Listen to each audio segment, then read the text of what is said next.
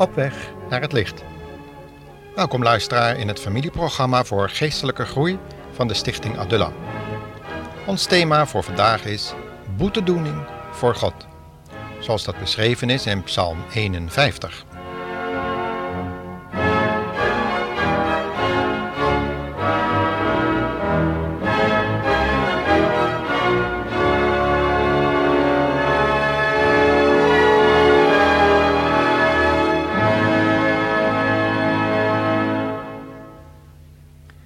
Onlangs bezocht ik een gevangenis.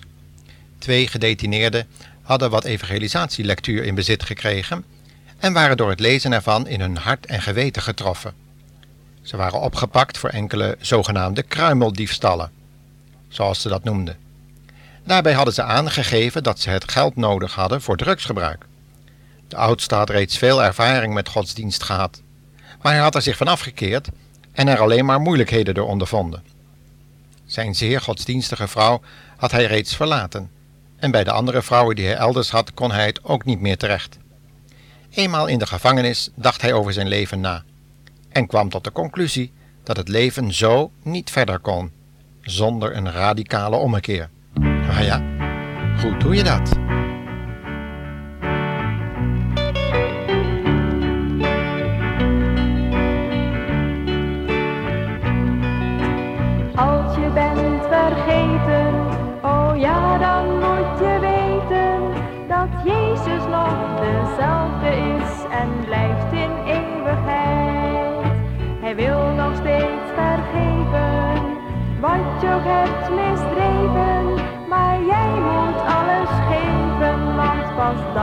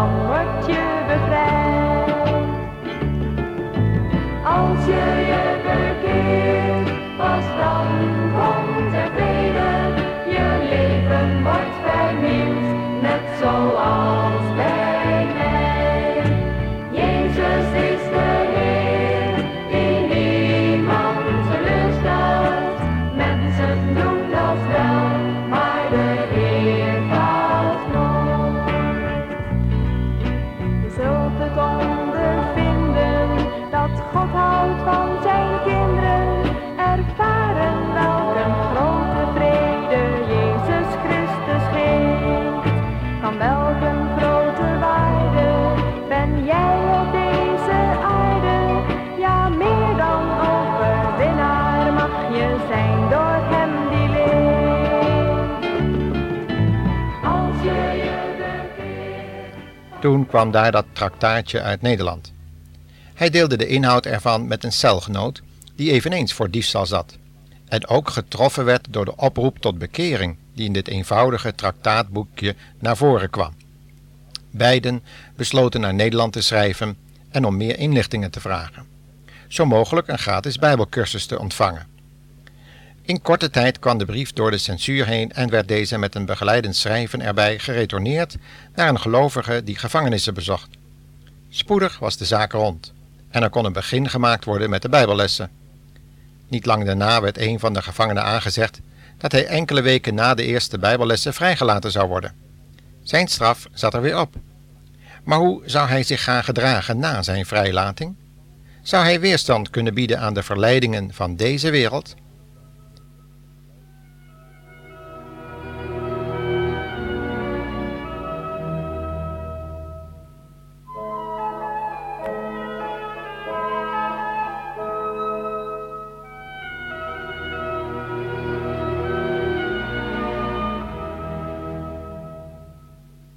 Het was duidelijk. Er was meer nodig dan alleen een voornemen om niet meer het oude leven te leiden en naar een baan om te zien om in eigen onderhoud te kunnen voorzien. Er moest de in de Bijbel zogenoemde verzegeling met de Heilige Geest plaatsvinden. En dit zou alleen kunnen gebeuren als er sprake was van oprecht berouw en een droefheid naar God, die een bekering tot stand zou brengen die werkelijk vruchten zou afwerpen. De beide gevangenen begrepen de boodschap die de evangelist hem bracht. De oudsten wilden zich nu zo snel mogelijk laten dopen. Maar ook daar moest onderwijs plaatsvinden, zodat hij begreep wat de christelijke doop eigenlijk inhield en welke voorwaarden eraan verbonden waren. Opnieuw kwam naar voren dat er eenzelfde diep zondebesef nodig was als David had ervaren en in Psalm 51 heeft opgetekend. Genade moet gevraagd worden. En wie anders kan deze genade geven dan God alleen? En wie heeft de mogelijkheid gegeven om deze genade te schenken aan verloren zondaren zoals u, ik en deze twee gevangenen? Is dat niet de Heer Jezus? En die voor u en mij naar dat kruis wilde gaan en daar gestraft zou worden om onze zonden en schuld? Ja, het is de goede tierenheid van God, dat Hij ons, zondige mensen, genade wil schenken, op grond van het bloed van Jezus Christus, Gods Zoon. Zingt u het maar mee, luisteraar, want ook u heeft genade nodig, evenals die twee gevangenen en ikzelf. Laten we echter eerst een gedeelte van deze psalm voorlezen. Psalm 51, vers 3 en 4. En bid het maar met de psalmist mee.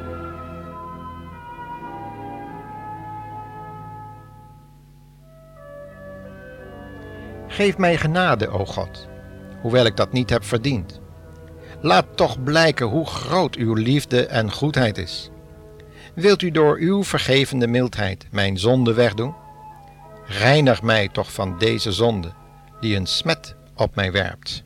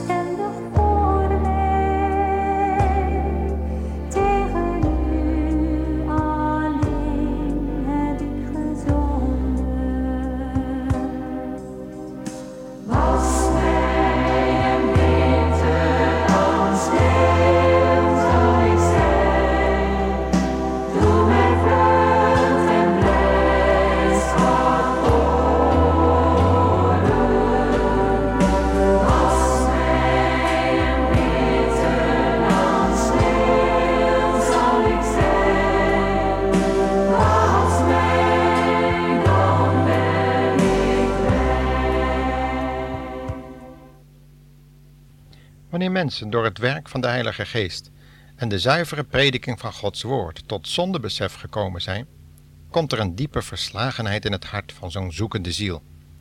De mensen die op de Pinksterdag naar Petrus' boodschap hebben geluisterd, konden van schrik tenminste niet meer verder leven. Ze beseften dat ze door zonde en schuld verloren waren, omdat zij duidelijk getoond hadden dat hun hart zo verdorven was dat ze de Heere der Heerlijkheid gekruisigd hadden. Juist Hij, die hen van zonde had vrij willen maken, hen nieuw leven had willen schenken, was nu gestorven. Was er nu nog wel hoop voor deze verslagen zielen?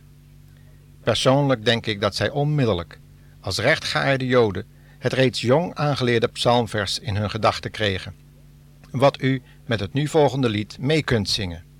Mogen de Heere God, de Heilige en de Verhevene, de rechter over levenden en doden, u helpen om dit oprecht en biddend te doen.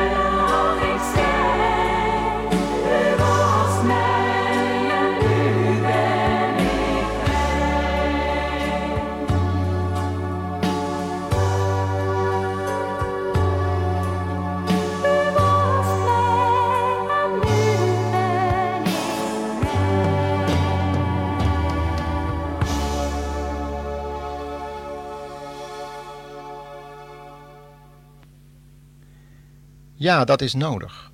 Petrus zegt hiervan in 1 Petrus 1, vers 22 en 23. Nu u aan de waarheid gehoor hebt gegeven, bent u innerlijk gezuiverd en kunt u de broeders oprecht lief hebben. Hebt elkaar dan ook altijd van harte lief. U hebt een nieuw leven gekregen, niet door geboorte uit uw ouders, want aan dat leven komt een einde, maar een nieuw leven door wedergeboorte uit God, die door de levende Christus zijn woord tot ons blijft spreken. Ja, die wedergeboorte hebben we allemaal nodig. Wanneer iemand als Antilliaan geboren is, heeft hij recht op een Nederlands paspoort. Dat heeft hij echter alleen nodig als hij het eiland af wil en zich elders wil gaan vestigen. Zolang hij of zij echter op het eiland blijft, is dat paspoort niet nodig en is een identiteitsbewijs of een uittreksel uit het geboorteregister voldoende. Maar wanneer men van nationaliteit wil veranderen, geeft dat zeer veel moeilijkheden. De eenvoudigste weg is eigenlijk dat je sterft en in het land waar je wil gaan wonen weer opstaat uit de dood, opnieuw geboren wordt en je je laat inschrijven als staatsburger van dat nieuwe land. Je hebt dan tegelijk recht op een paspoort voor dat land en mag je je oude komaf helemaal vergeten. Een duidelijke illustratie van wat er in feite gebeurde bij de geestelijke wedergeboorte. We sterven ons oude leven af door ons te vereenzelvigen met de dood. Onze dood dus eigenlijk. De dood van de Heer Jezus. Dat doen we door het geloof en brengen dat tot uitdrukking in de doop, tot de naam van de Heer Jezus Christus. Maar de wedergeboorte gaat verder. Er moet sprake zijn van geestelijke groei. Inzicht dat je een nieuwe meester hebt. Dat je van de slavernij van Satan, zonde en dood overgebracht bent in het koninkrijk van het licht en de liefde. We moeten leren aan de waarheid, dat is Jezus Christus zelf, gehoorzaam te worden. Dat dat niet vanzelf gaat, zullen we snel merken na onze bekering. We merken dan het volgende, wat Paulus in Romeinen 7 vanaf vers 15 al heeft beschreven. Luister maar eens en herken uw eigen strijd. Mijn doen en laten zijn voor mijzelf een raadsel, want ik doe niet wat ik graag wil. Nee, ik doe, doe juist dingen waar ik een afschuwelijke hekel aan heb. En hij vervolgt dan: Ik weet dat ik door en door slecht ben, tenminste wat mijn oude natuur betreft. Ik kan het goede niet doen. Ik wil het wel, maar ik kan het niet. Hoewel ik het goede wil, doe ik het niet. In plaats daarvan doe ik het slechte, en dat wil ik nu juist niet. En dan volgt die uiteindelijke noodkreet. Wat ben ik er ellendig aan toe? Wie zal mij verlossen uit deze vreselijke macht van de dood?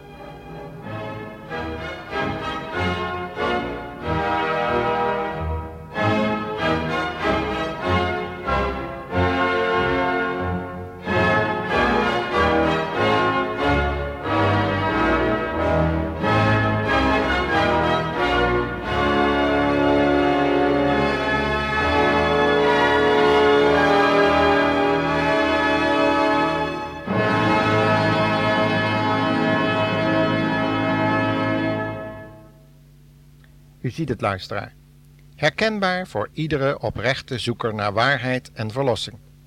We hebben het bloed van de Heer Jezus zo hard nodig. Want alleen dat bloed reinigt van alle zonde. Laten we daarom de zonde in ons leven van harte en oprecht beleiden en het goed maken met God en mensen door in berouw terug te keren tot de Schepper als een verloren zoon of dochter. Neem het aanbod van Gods liefde en genade aan door de Heer Jezus toe te laten in uw leven. Vanavond nog. U zult ervaren dat u zal gereinigd worden van alle ongerechtigheid en van elk kwaad geweten. Wat een bevrijding zal dat geven. Halleluja. God zegen u.